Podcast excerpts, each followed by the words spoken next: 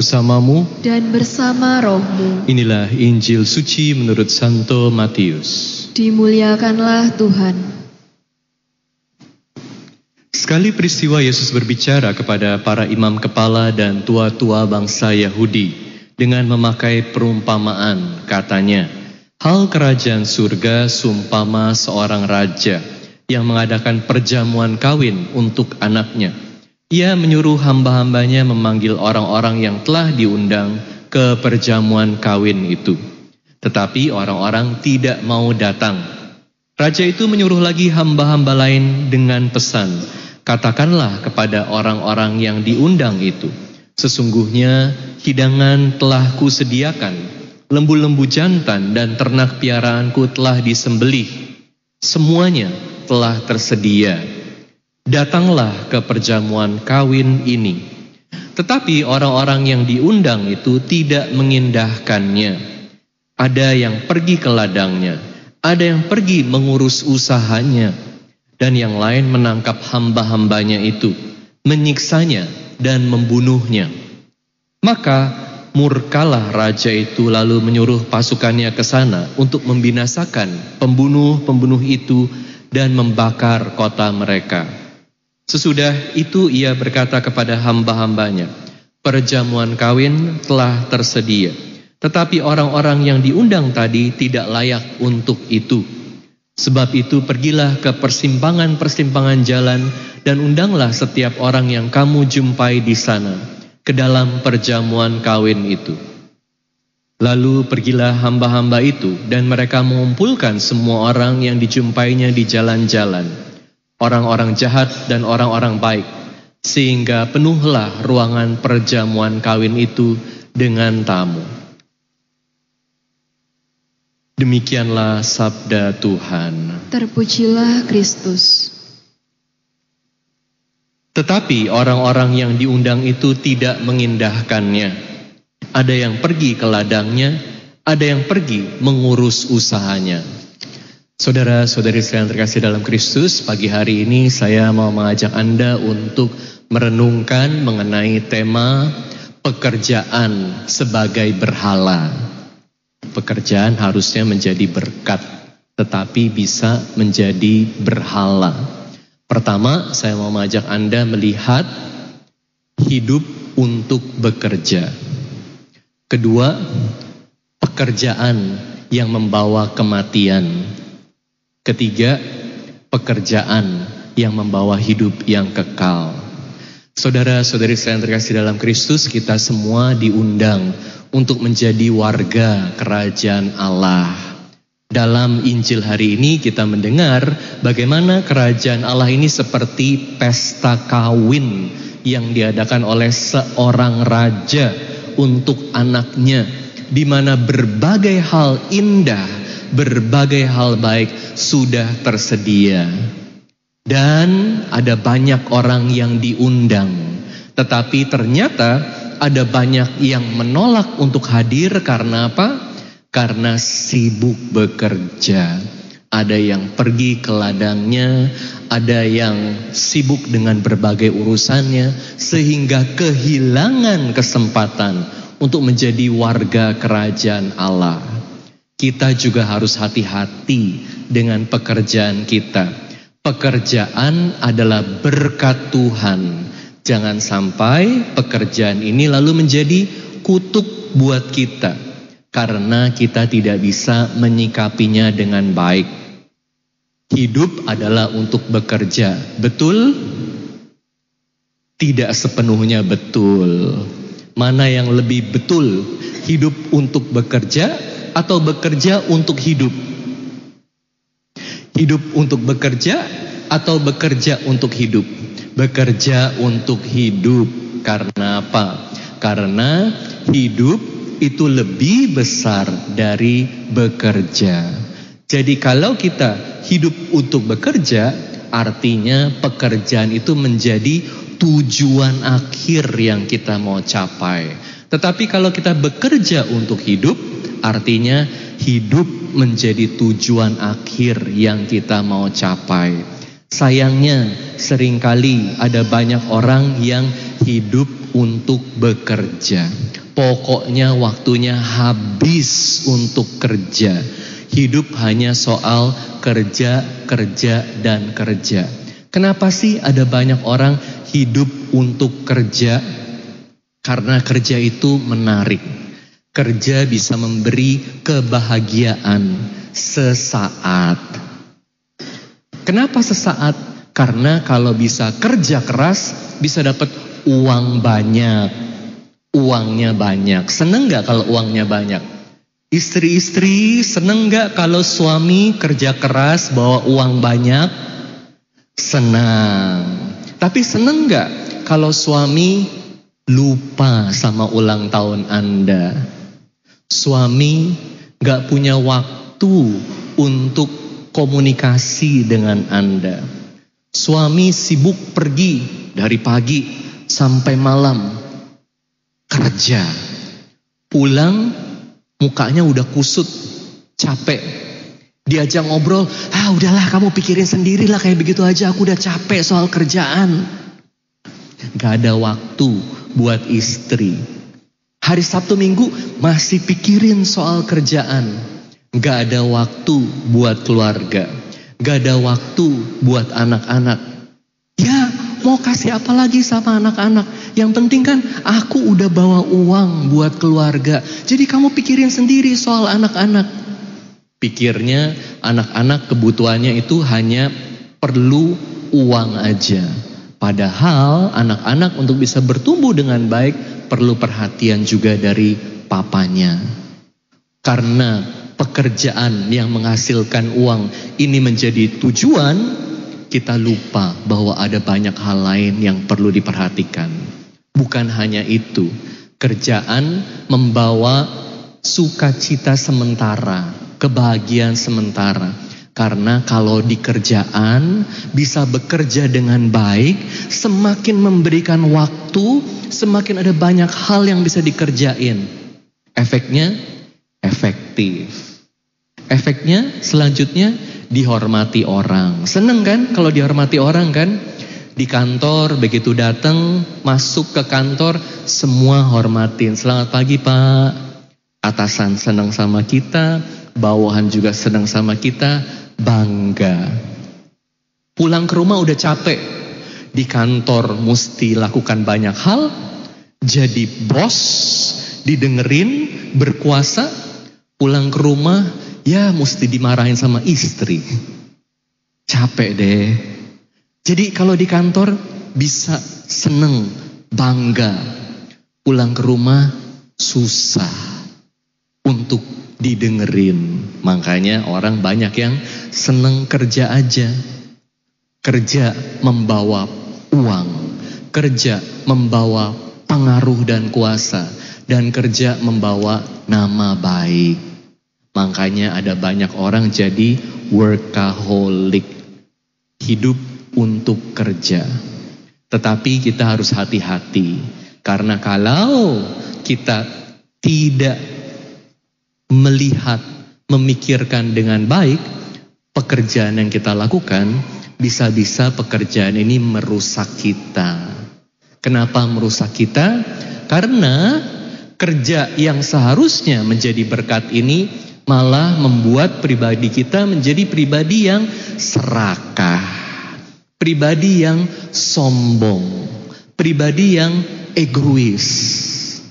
Tapi kan kerja perlu Romo. Ya, kerja sangat perlu, tetapi harus dilakukan dengan prioritas yang benar. Dan kebahagiaan yang dibawa oleh kerja tidak kekal. Kalau orang hidupnya untuk kerja, begitu pekerjaannya selesai, begitu datang masa pensiun, hidupnya selesai. Gak heran kan, ada banyak orang yang disebut sebagai mengalami post power syndrome. Kenapa post power syndrome? Karena kalau di pekerjaan berkuasa, bisa dapat uang, bisa kontrol, didengerin. Tapi begitu selesai pekerjaannya, uang di tangan istri, yang atur hidup istri, istri yang mesti diikutin. Gak ada kuasa lagi, udah gak ada uang, nggak ada kuasa lagi. Selesai hidupnya. Ah, puji Tuhan, aku masih bisa datang ke kantor. Dan kalau kunjungin kantor, semua hormatin. Semua masih ingat jasa saya. Wah pak kita seneng loh kalau ada bapak. Waktu ada bapak perusahaan ini luar biasa. Nggak ada bapak aduh susah pak. Wah ini namanya seneng ya. Egonya ini diangkat. Aku ini penting. Aku ini hebat. Wah bu waktu ada ibu semua kerjaan beres. Semua lancar. Sekarang kita rada susah. Egonya lagi dikasih makan seneng kalau pergi mengingat berbagai kehebatan masa lalu. Tapi Bapak Ibu, mau tahan berapa lama orang ingat sama jasa kita, orang ingat sama kehebatan kita.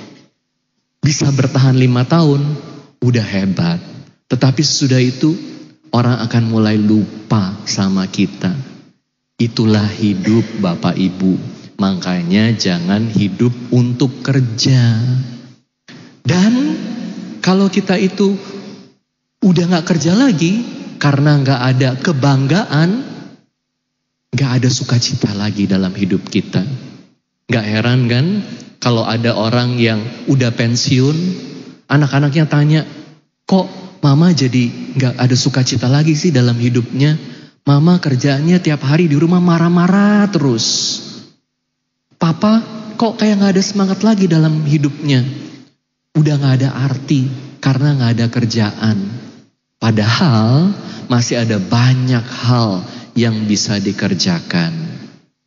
Maka kita harus selalu ingat supaya bekerja sesuai dengan rencana Tuhan. Yang kita harus cari dulu adalah kerajaan Allah. Carilah dahulu kerajaan Allah maka segala sesuatunya akan ditambahkan kepadamu. Bekerja itu penting, tetapi prioritas nomor satu dalam hidup selalu adalah mengikuti kehendak Tuhan, menjalankan perintah Tuhan, membangun kerajaan Allah. Dan kerajaan Allah itu apa? Kerajaan Allah adalah kerajaan kasih. Kerajaan kasih. Kalau dalam Injil hari ini kita mendengar bahwa kerajaan Allah itu seperti pesta perkawinan di mana kita diajak untuk merayakan dan bersukacita, itu karena Tuhan pertama-tama sangat mengasihi kita. Tuhan memampukan kita. Tuhan memberi kita kesempatan untuk bekerja. Jangan disia-siakan, selalu ingat kasih Tuhan dan cari kasih Tuhan itu. Tapi kalau kita hanya mencari diri kita sendiri aja dalam pekerjaan, gimana kita bisa menjalankan kehendak Tuhan? Beberapa hari yang lalu saya terima satu video dari romo-romo yang sudah lanjut usia. Mungkin usianya 70, 80, 90 tahun. Banyak yang udah hanya duduk di kursi roda, Mukanya kelihatan udah tua sekali. Tetapi mereka sama-sama memuji Tuhan, nyanyi lagu, mencintai dan melayani. Kalau waktu masih muda kan, romo-romo kan bisa khotbah, bisa melakukan banyak hal, masih kuat badannya. Tapi udah tua, otaknya juga mulai makin kurang, jalan susah, lutut udah sakit, sering kali nggak bisa tidur. Kalau waktu masih muda nggak bisa tidur itu mikirin kerjaan, mikirin pelayanan, gimana supaya bisa lebih baik. Kalau udah tambah ada umur nggak bisa tidur karena pinggangnya sakit, kepalanya sakit, macem-macem sakitnya. Tapi puji Tuhan karena terbiasa dari masih muda bisa melayani dan mencintai jadi walaupun sudah tidak bisa bekerja maksimal, hidupnya masih punya arti. Saat saya menyiapkan khotbah ini, ada satu figur besar yang saya ingat namanya Blaise Pascal. Pernah dengar gak Blaise Pascal? Pernah dengar kan? nggak pernah dengar. Mungkin kalau nggak pernah dengar ini artinya waktu masih SD kurang dengerin gurunya ya. Kita semua ini belajar tentang Blaise Pascal waktu masih SD. Karena dia adalah ahli matematika. Jadi ada yang namanya segitiga Pascal. Blaise Pascal waktu dia masih muda itu dia jenius, luar biasa pinter. Dia juga menciptakan kalkulator mekanik.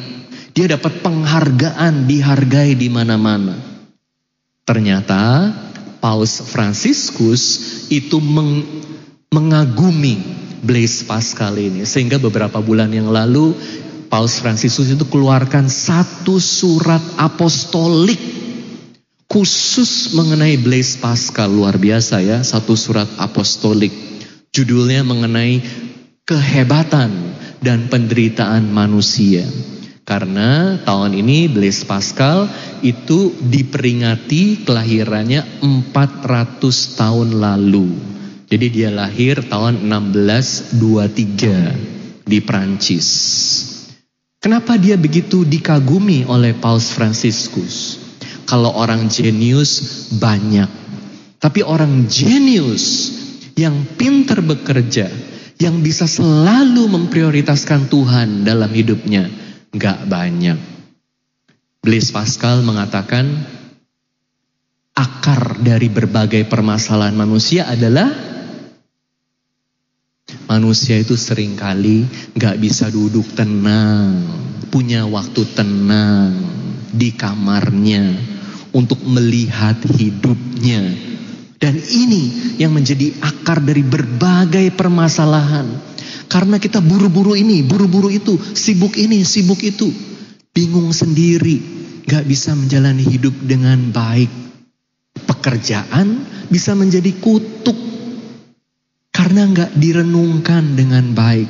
Tetapi kalau direnungkan, kalau dilihat tujuannya apa, kalau dievaluasi, apakah dengan pekerjaanku aku menjadi pribadi yang lebih penuh kasih? Apakah dengan pekerjaanku aku melayani orang lain sehingga bisa menjadi lebih baik? Apakah dengan pekerjaanku aku menjalankan kehendak Tuhan? Pasti pekerjaan itu menjadi sarana berkat dari Tuhan. Gak gampang untuk menjalani pekerjaan dengan baik. Ada banyak masalahnya, ada banyak tantangannya. Tetapi seperti dikatakan dalam bacaan kedua, Aku siap untuk menanggung segala perkara karena Tuhan adalah kekuatanku. Semoga pekerjaan kita bukan menjadi kutuk tetapi menjadi berkat. Jangan jadikan pekerjaan kita sebagai berhala yang menghalangi kita untuk menjalankan kehendak Tuhan. Amin. Tuhan bersamamu yang bersama rohmu. Inilah Injil suci menurut Santo Matius. Muliakanlah Tuhan. Sekali peristiwa Yesus berbicara kepada para imam kepala dan tua-tua bangsa Yahudi dengan memakai perumpamaan. Katanya, hal kerajaan surga seumpama seorang raja yang mengadakan perjamuan kawin untuk anaknya. Ia menyuruh hamba-hambanya memanggil orang-orang yang telah diundang ke perjamuan kawin itu. Tetapi orang-orang tidak mau datang. Raja itu menyuruh lagi hamba-hamba lain dengan pesan, katakanlah kepada orang-orang yang diundang itu, sesungguhnya hidangan telah kusediakan, lambu-lambu jantan dan ternak piaraanku telah disambeli, semuanya telah tersedia. Datanglah ke perjamuan kawin ini. Tetapi orang-orang yang diundang itu tidak mengindahkannya. Ada yang pergi ke ladangnya, ada yang pergi mengurus usahanya, dan yang lain menangkap hamba-hambanya itu, meniksanya dan membunuhnya. Maka murkalah raja itu, lalu menyuruh pasukannya ke sana untuk membinasakan pembunuh-pembunuh itu dan membakar kota mereka. Sesudah itu ia berkata kepada hamba-hambanya, perjamuan kawin telah tersedia, tetapi orang-orang yang diundang tadi tidak layak untuk itu. Sebab itu pergilah ke persimpangan persimpangan jalan dan undanglah setiap orang yang kamu jumpai di sana ke perjamuan kawin itu. Lalu pergilah hamba-hamba itu dan mereka mengumpulkan sama orang yang dijumpainya di jalan-jalan. Orang-orang jahat dan orang-orang baik. Sehingga penuhlah ruangan perjamuan kawin itu dengan tamu. Ketika raja itu masuk untuk bertemu dengan para tamu, ia melihat seorang yang tidak berpakaian pesta. Ia berkata kepadanya, "Hai saudara, bagaimana engkau masuk kemari tanpa mengenakan pakaian pesta?" Tetapi orang itu diam saja. Lalu raja itu berkata kepada hamba-hambanya, "Ikatlah kaki dan tangannya dan campakkanlah orang itu ke dalam kegelapan yang paling gelap." di sanalah akan terdapat ratapan dan kertak gigi. Sebab banyak yang dipanggil, tetapi sedikit yang dipilih. Demikianlah sabda Tuhan. Terpujilah Kristus. Saudara-saudara yang terkasih, selamat malam semuanya. Setelah saya membaca bacaan Injil kita hari ini, saya ingat sebuah cerita tentang sang ibu dia sudah sendirian karena suaminya gak ada lagi. Tapi dia punya anak umur empat. Karena gak ada pembantu, setiap kali dia pergi ke tempat kerjanya, dia simpan anaknya ke daycare center. Di sana anaknya bisa terjaga dengan teman-teman. Jadi senang, aman dan nyaman saja. Kalau dia pergi pulang ke rumah, dia uh, uh, mengambil anaknya dan bawa ke rumah. Dan dia lihat, oh sudah punya banyak teman anaknya. Jadi pada saat anaknya mau merayakan hari ulang tahun ke-5, tahun ke-5, dia menyiapkan pesta atau party hari ulang tahun anaknya. Dia mengundang ya hanya beberapa teman, lima, lima teman. Tapi pada saat itu tiba yang diundang itu gak datang. Jadi itu sangat mengecewakan hati ibunya karena dia melihat anaknya sudah bersemangat uh, menemui temannya tapi gak datang-datang. Jadi ibu itu secara darurat ya dia uh, manggil tetangganya di apartemen dan panggil teman yang ya cukup dekat saja dan segera disuruh datang dan mereka berpesta. Awalnya anaknya nangis karena mana temannya. Tapi sebagai anak kecil, masih muda, muda juga melupakan hal itu, dia sudah beberapa menit lagi dia sudah bahagia dan sudah lonjat-lonjat dan ya bisalah menjalankan pesta itu. Meskipun teman-temannya gak datang karena ada yang diundang lain. Ya ini uh, intinya perumpamaan kita pada saat ini yang disebut inti pertama, maksudnya secara kata, the literal meaning, ya seperti ya itu yang dikatakan ada raja punya anak mau pesta kawin, ada yang diundang nggak datang, diundang lagi yang lain. Tetapi ada inti kedua, nah, kedua itu yang dimaksudnya. Nah, raja itu siapa? Ya kerajaan itu mana? Apa intinya? Yang diundang itu siapa? Yang penggantinya siapa lagi? Nah kalau yang raja itu tentu saja Tuhan. Tuhan kita sendiri Allah. Yang tempat undangan itu kerajaannya Bapa. Yang diundang itu orang-orang yang terpilih, orang-orang Yahudi. Tetapi mereka agak mendengar dia, gak mengenal dia. Karena mereka kehilangan kesempatan sampai yang lain diundang. Nah ini kabar baiknya. Bahwa dengan kejadian ini undangan untuk masuk ke kerajaan di surga bukan hanya uh, khusus untuk mereka yang terpilih. Tetapi buat kita semua. Nah itu yang itu yang luar biasa. Tapi kita heran juga, mengapa mereka gak, gak datang-datang? Diundang kok untuk makan dan pesta itu kawin pesta kawin itu yang paling meriah untuk orang Yahudi. Memang itu yang paling meriah karena itu kalau yang diundang itu yang kalau ada undangannya gak kasih waktu, gak kasih harinya dan segalanya. Jadi gak tahu kapan. Kalau sekarang sih yang diundang itu harus jelas ya. Oh, bulan depan tanggal 17 hari dan jam harus ada supaya sudah bisa disiapkan, sudah disingkirkan semua karena mengutamakan ini. Tapi kalau pesta kawin orang-orang Yahudi itu gak di, diumumkan kapan. Asumsinya semua bisa dibatalkan karena ini pesta kawin. Nah, tapi kadang-kadang sebagai manusia ya mereka mengutamakan pekerjaannya, usahanya, bisnisnya dan segalanya.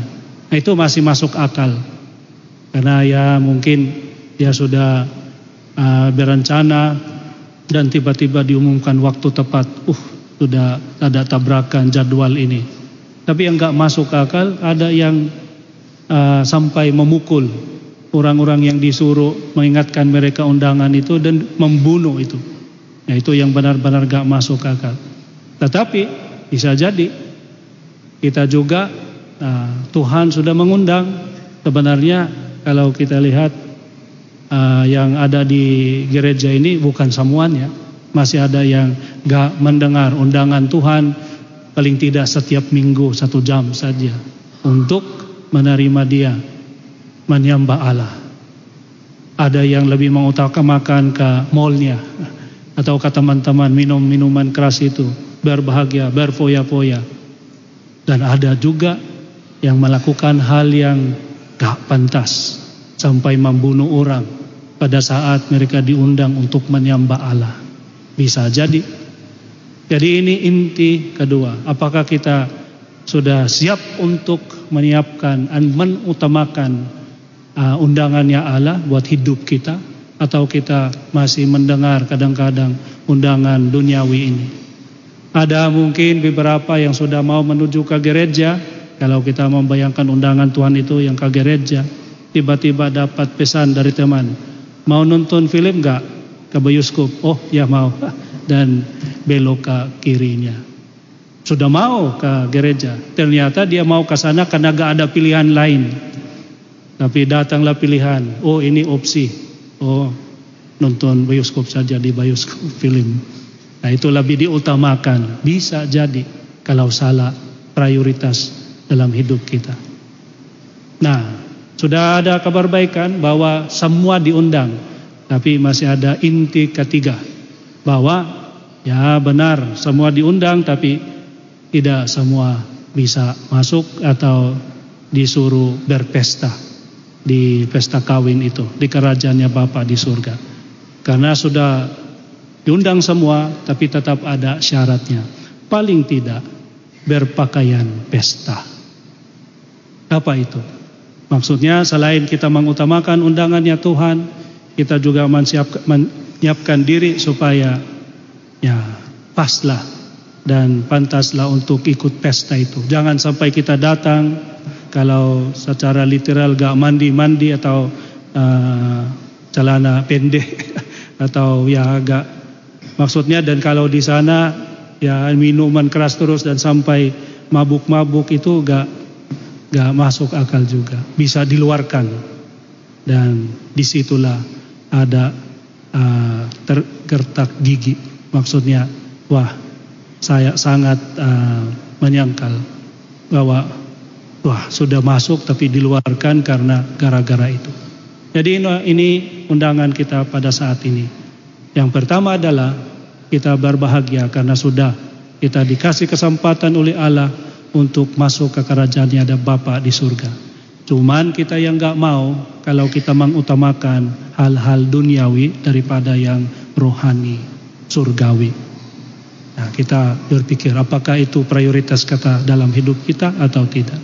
Yang kedua adalah kalau sudah mau mengikuti Tuhan, berpakaianlah pakaian pesta supaya kita gak diluarkan dari kerajaannya Bapa di surga. Amin. Lord be with you. And with your spirit. A reading from the Holy Gospel according to Matthew. Glory to you, O Lord.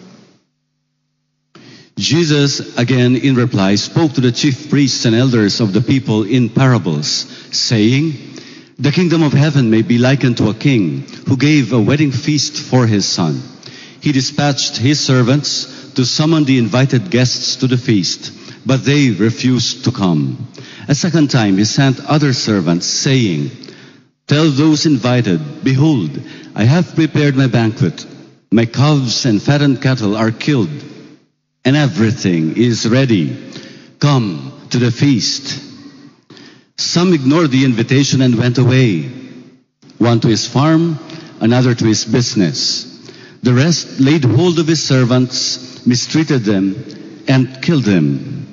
The king was enraged and sent his troops, destroyed those murderers, and burned their city. Then he said to his servants, The feast is ready, but those who were invited were not worthy to come. Go out, therefore, into the main roads and invite to the feast whomever you find. The servants went out into the streets and gathered all they found, bad and good alike, and the hall was filled with guests. The Gospel of the Lord. Praise to you, Lord Jesus Christ. Please be seated. Yesterday's Gospel, if we summarize it, sorry, last week's, last Sunday's Gospel, if we summarize it, could be, it could be found in the responsorial psalm of last Sunday, and that is, the vineyard of the Lord, of the Lord is the house of Israel. It is ironic that just a week after, we see Israel at war, Palestine at war. You see so many images in social media about what we read about destroying murderers and burning their city. That these are the images flashed to us consecutively, daily for that matter, and it has just begun. It's not ended. And that is why in this liturgy, in this Eucharist, I would request all of you to pray for peace. And let us on, let us offer this Mass for peace. In the universal prayer of the Church for this Sunday, last night, the first antiphon was, pray for the peace of Jerusalem. And so in the common intercessions, I added that we pray for the peace of Jerusalem, for the peace of Israel. And at the same time, we pray for the peace of Palestine, of Bethlehem, of Nazareth, and Gaza. They are equally as important. The parable in today's gospel wanted to teach a certain paradox, a paradoxical situation whereby there is a feast, there is a banquet, and everyone, you know, is invited, and yet these people who are invited ignored the invitation, did not want to go to the banquet. Can you imagine throwing a party, inviting your friends, inviting people whom you want to go to your party, and these people say no. All of them. I'm busy. I have work. And they don't appear. Imagine a banquet like that. So there's this paradox about something about happiness. And yet suddenly it turns to rage and anger. And it ends by going back to the party. Inviting everybody, everybody. Do not distinguish anymore, good and bad alike, the poor, the lame, the blind, the beggars, bring them all in. And there was a party. Of course, this is a parable. But what lessons do we learn from this parable? We learn very ironic situations in our life. We want to throw parties because parties usually glorify the host, the party giver. If you have a successful party, it is an affirmation of your social status. That is why people throw parties. Even dictators throw parties. I remember our Philippine dictator before throwing parties and throwing diamonds in the party. Diamonds in the party. To demonstrate social status while the rest of his people are poor.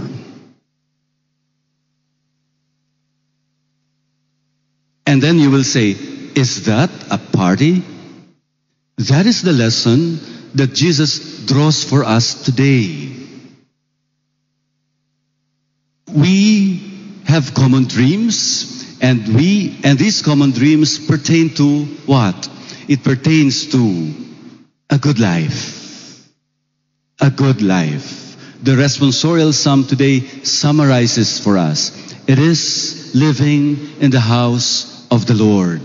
And the house of the Lord is bountiful. And the house of the Lord is peaceful. That is our common hope. And yet, the more important lesson is that in, embedded in today's gospel is that the Lord is telling us, do not, do not invite only those you want.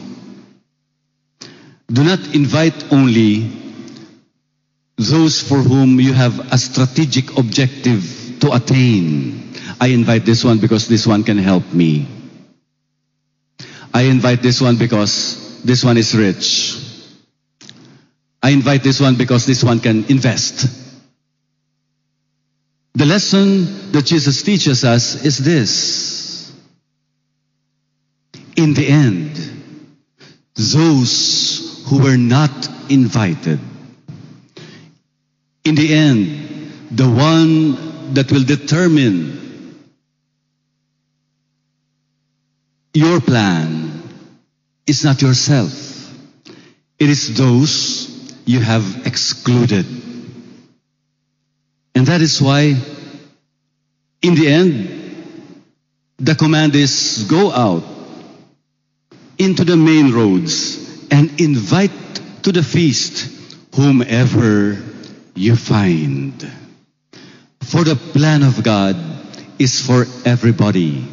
And the plan that excludes, God will include all those we exclude. When we watch social media, when we look into what is unfolding in the war in Israel and Palestine, we learn the lesson. Not only that no one benefits from the war, but that there are so many others excluded. There are so many others working in the vineyard, literally, literal vineyards. I hear news of 30,000 Thais working in the vineyards of Israel, and equally 30,000 Filipinos working in the vineyards of Israel, and all of them are silent. These are examples of those who are not invited to the feast. So for Jesus, looking at our situation today and learning from the gospel today means posing to ourselves the same question. If I go to the house of the Lord, if, like the prophet Isaiah in the first reading, prophesying a mountain of peace and a mountain of abundance, which is the promise of the Lord of hosts, a feast of rich food and choice wines, juicy, rich food and pure choice wines. That is the house of God. That is the mountain of the Lord. That is the feast that is to come. But we can only come to the feast if we modify our invitations. If we send out invitations not just to the few and the chosen, but to go out to look for the silent, to look for the neglected, to look for the excluded. There, in the main roads of our life, and invite to the feast whomever we find. Tuhan bersamamu.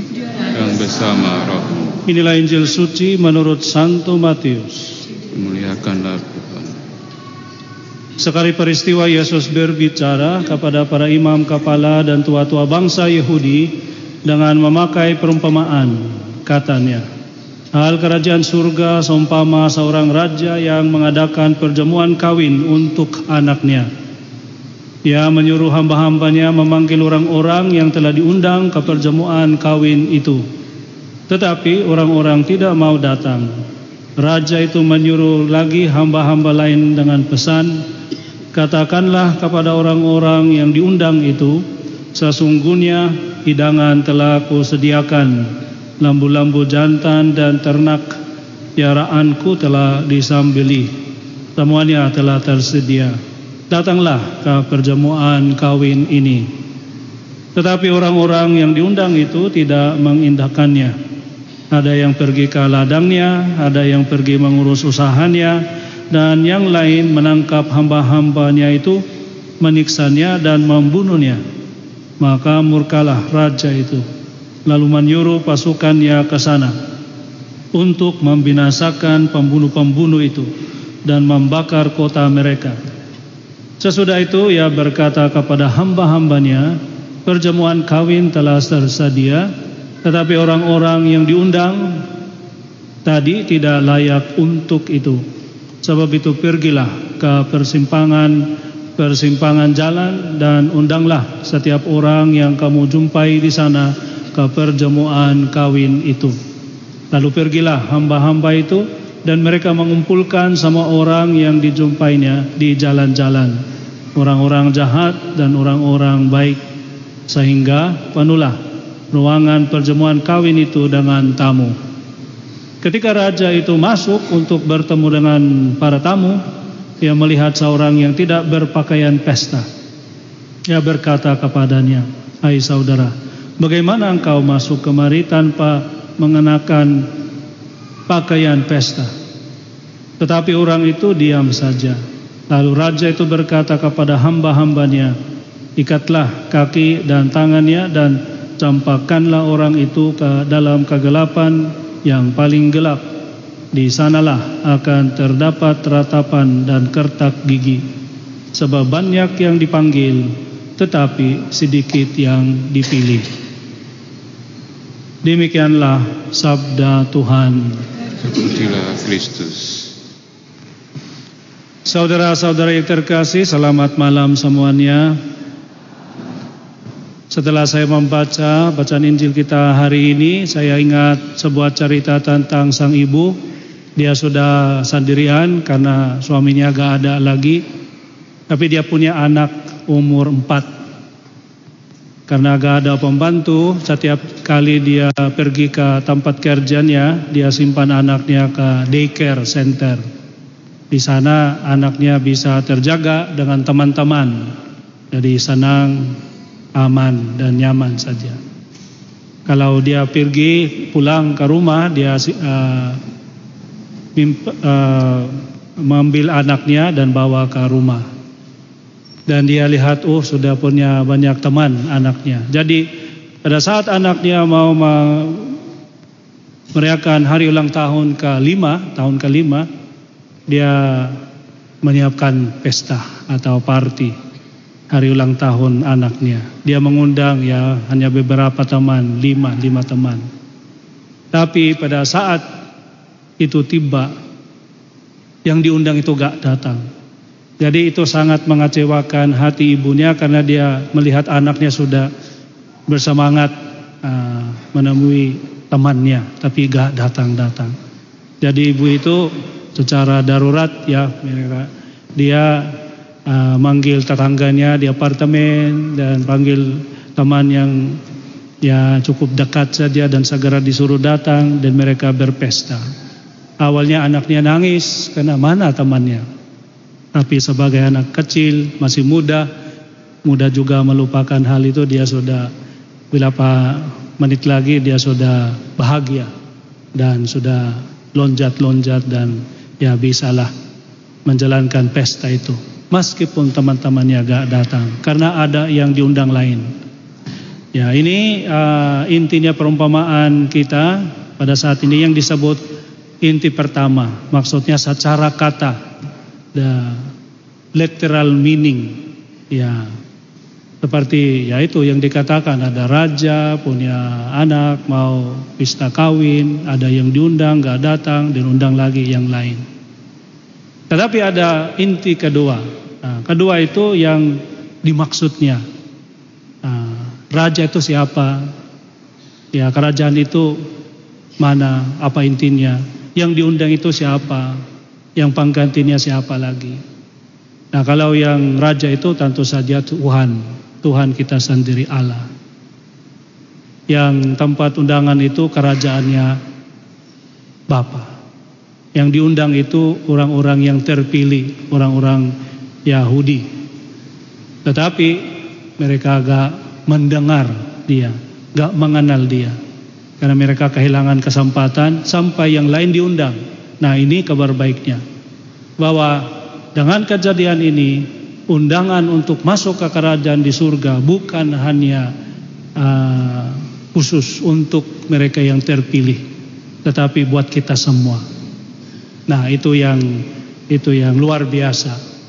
Tapi kita heran juga mengapa mereka gak gak datang datang diundang kok untuk makan dan pesta itu kawin pesta kawin itu yang paling meriah untuk orang Yahudi.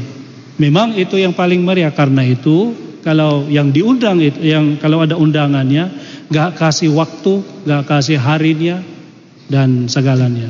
Jadi gak tahu kapan. Kalau sekarang sih yang diundang itu harus jelas ya. Oh, bulan depan tanggal 17 hari dan jam harus ada supaya sudah bisa disiapkan, sudah disingkirkan semua karena mengutamakan ini. Tapi kalau pesta kawin orang-orang Yahudi itu gak di, diumumkan kapan. Asumsinya semua bisa dibatalkan karena ini pesta kawin. Nah, tapi kadang-kadang sebagai manusia ya mereka mengutamakan pekerjaannya, usahanya, bisnisnya dan segalanya. Nah, itu masih masuk akal. Karena ya mungkin dia sudah uh, berencana dan tiba-tiba diumumkan waktu tepat. Uh, sudah ada tabrakan jadwal ini. Tapi yang nggak masuk akal ada yang uh, sampai memukul orang-orang yang disuruh mengingatkan mereka undangan itu dan membunuh itu. Nah itu yang benar-benar gak masuk akal. Tetapi bisa jadi kita juga uh, Tuhan sudah mengundang. Sebenarnya kalau kita lihat uh, yang ada di gereja ini bukan semuanya masih ada yang gak mendengar undangan Tuhan paling tidak setiap minggu satu jam saja untuk menerima dia menyembah Allah. Ada yang lebih mengutamakan ke mallnya atau ke teman-teman minum minuman keras itu berbahagia berfoya-foya dan ada juga yang melakukan hal yang gak pantas sampai membunuh orang pada saat mereka diundang untuk menyembah Allah. Bisa jadi. Jadi ini inti kedua. Apakah kita sudah siap untuk menyiapkan dan menutamakan uh, undangannya Allah buat hidup kita atau kita masih mendengar kadang-kadang undangan duniawi ini. Ada mungkin beberapa yang sudah mau menuju ke gereja, kalau kita membayangkan undangan Tuhan itu yang ke gereja, tiba-tiba dapat pesan dari teman, mau nonton film gak ke bioskop? Oh ya mau, dan belok ke kirinya. Sudah mau ke gereja, ternyata dia mau ke sana karena gak ada pilihan lain. Tapi datanglah pilihan, oh ini opsi, oh nonton bioskop saja di bioskop film. Nah itu lebih diutamakan, bisa jadi kalau salah prioritas dalam hidup kita. Nah, sudah ada kabar baikan bahwa semua diundang, tapi masih ada inti ketiga bahwa ya benar semua diundang tapi tidak semua bisa masuk atau disuruh berpesta di pesta kawin itu di kerajaannya Bapa di surga. Karena sudah diundang semua tapi tetap ada syaratnya. Paling tidak berpakaian pesta. Apa itu? Maksudnya selain kita mengutamakan undangannya Tuhan, kita juga menyiapkan diri supaya ya paslah dan pantaslah untuk ikut pesta itu. Jangan sampai kita datang kalau secara literal gak mandi-mandi atau uh, celana pendek atau ya agak maksudnya dan kalau di sana ya minuman keras terus dan sampai mabuk-mabuk itu gak gak masuk akal juga. Bisa diluarkan. Dan di situlah ada uh, tergertak gigi. Maksudnya wah saya sangat uh, menyangkal bahwa wah sudah masuk tapi diluarkan karena gara-gara itu. Jadi ini undangan kita pada saat ini yang pertama adalah kita berbahagia karena sudah kita dikasih kesempatan oleh Allah untuk masuk ke kerajaannya ada Bapa di surga. Cuman kita yang nggak mau kalau kita mengutamakan hal-hal duniawi daripada yang rohani, surgawi. Nah, kita berpikir apakah itu prioritas kata dalam hidup kita atau tidak. Yang kedua adalah kalau sudah mau mengikuti Tuhan, berpakaianlah pakaian pesta supaya kita agak diluarkan dari kerajaannya Bapa di surga. Amin. 愿主与你们同在，与你的心灵同在，共度圣马度福音。祝愿光荣归命。那时候，耶稣有用比 比喻对十字章和民间长老说：“天国。”我比一个国王为儿子被刺是婚宴，他派夫人去叫背景的人来赴宴，他们皆不愿意来。他又派另一笔夫人去说：“你们对背景的人说，我已经有备好了上宴。”公仪和备处都摘了，一切都准备了，请来参加婚宴吧。他们皆不理睬，便走了。有的刚点，有的做生意去了，其余的做主仆人。领入之后，杀死了他们。国王的怒，就派就队去消灭了那些凶手，管收了他们的长事，然后对夫人说：“不念已经结备了，但是北京的人都不被享受。”所以你们到各路过去，凡是你们有到大路上去，啊，所有到的，无论外人我人都召集了来本宴上，就做满了客人。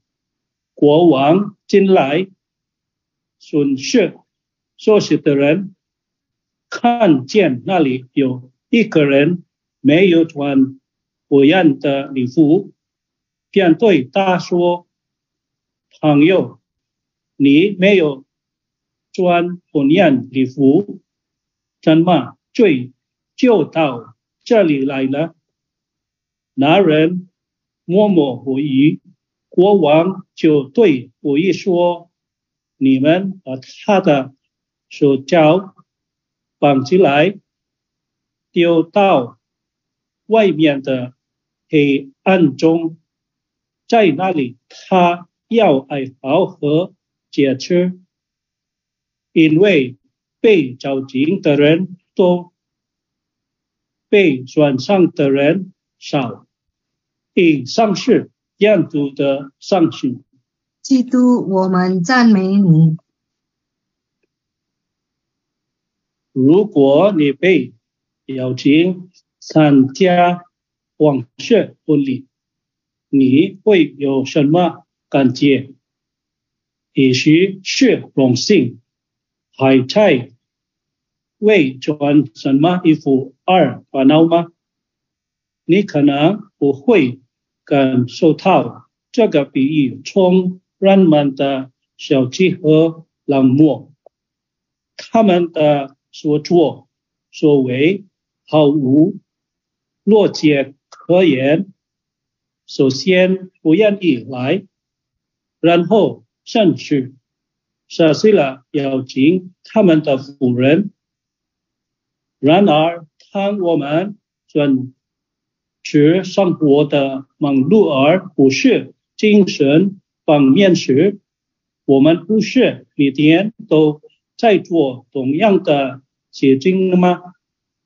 有时候我们只要记住生活中的噪音，并不像那些将我们与上主联系在一起的事情那么重要。那么没有穿不年礼服的个人怎么办？他不是理解，是在表明他他是来享受美好是换的，而不是为了向主人致敬并庆祝婚礼。也许我们自己的生活中。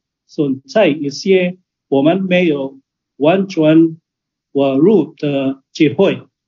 如果是这样，仅制定一个中心承诺的计划，我们只要表现出我们内心的严肃性。有人说，上经是上主向人类。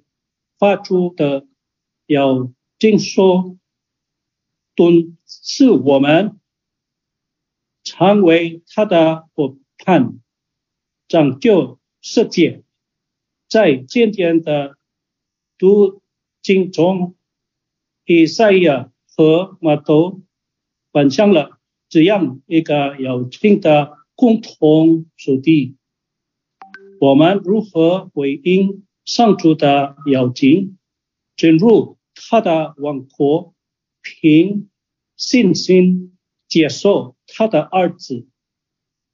主给我们的演示是，我们通过福音说，领受他怜悯和恩典，我们得到了救赎，大餐的美好上选。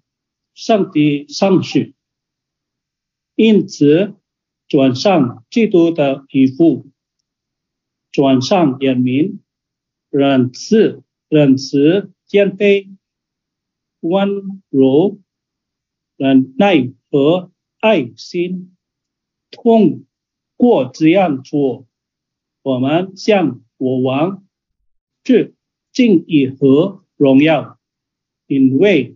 我们已经受邀请而进入他的王国，由于我们都是上主教会的一部分，因此我们都被的心要是从新来信赖主，唯有在他里面，我们才能获得生活中真唱歌喜乐和幸福。我们还必须小心，以免我们受到动摇和诱惑，去选就不符合上主道路的其他事物。和欲望，而这可能最终导致我们陷入诅咒，而不是永生。愿主继续祝福和引导我们所有人，愿他继续带领我们走上走上公义和伟大的道路，走向他，远离邪恶、罪恶、欲望和凶恶，从现在直到永远。阿门。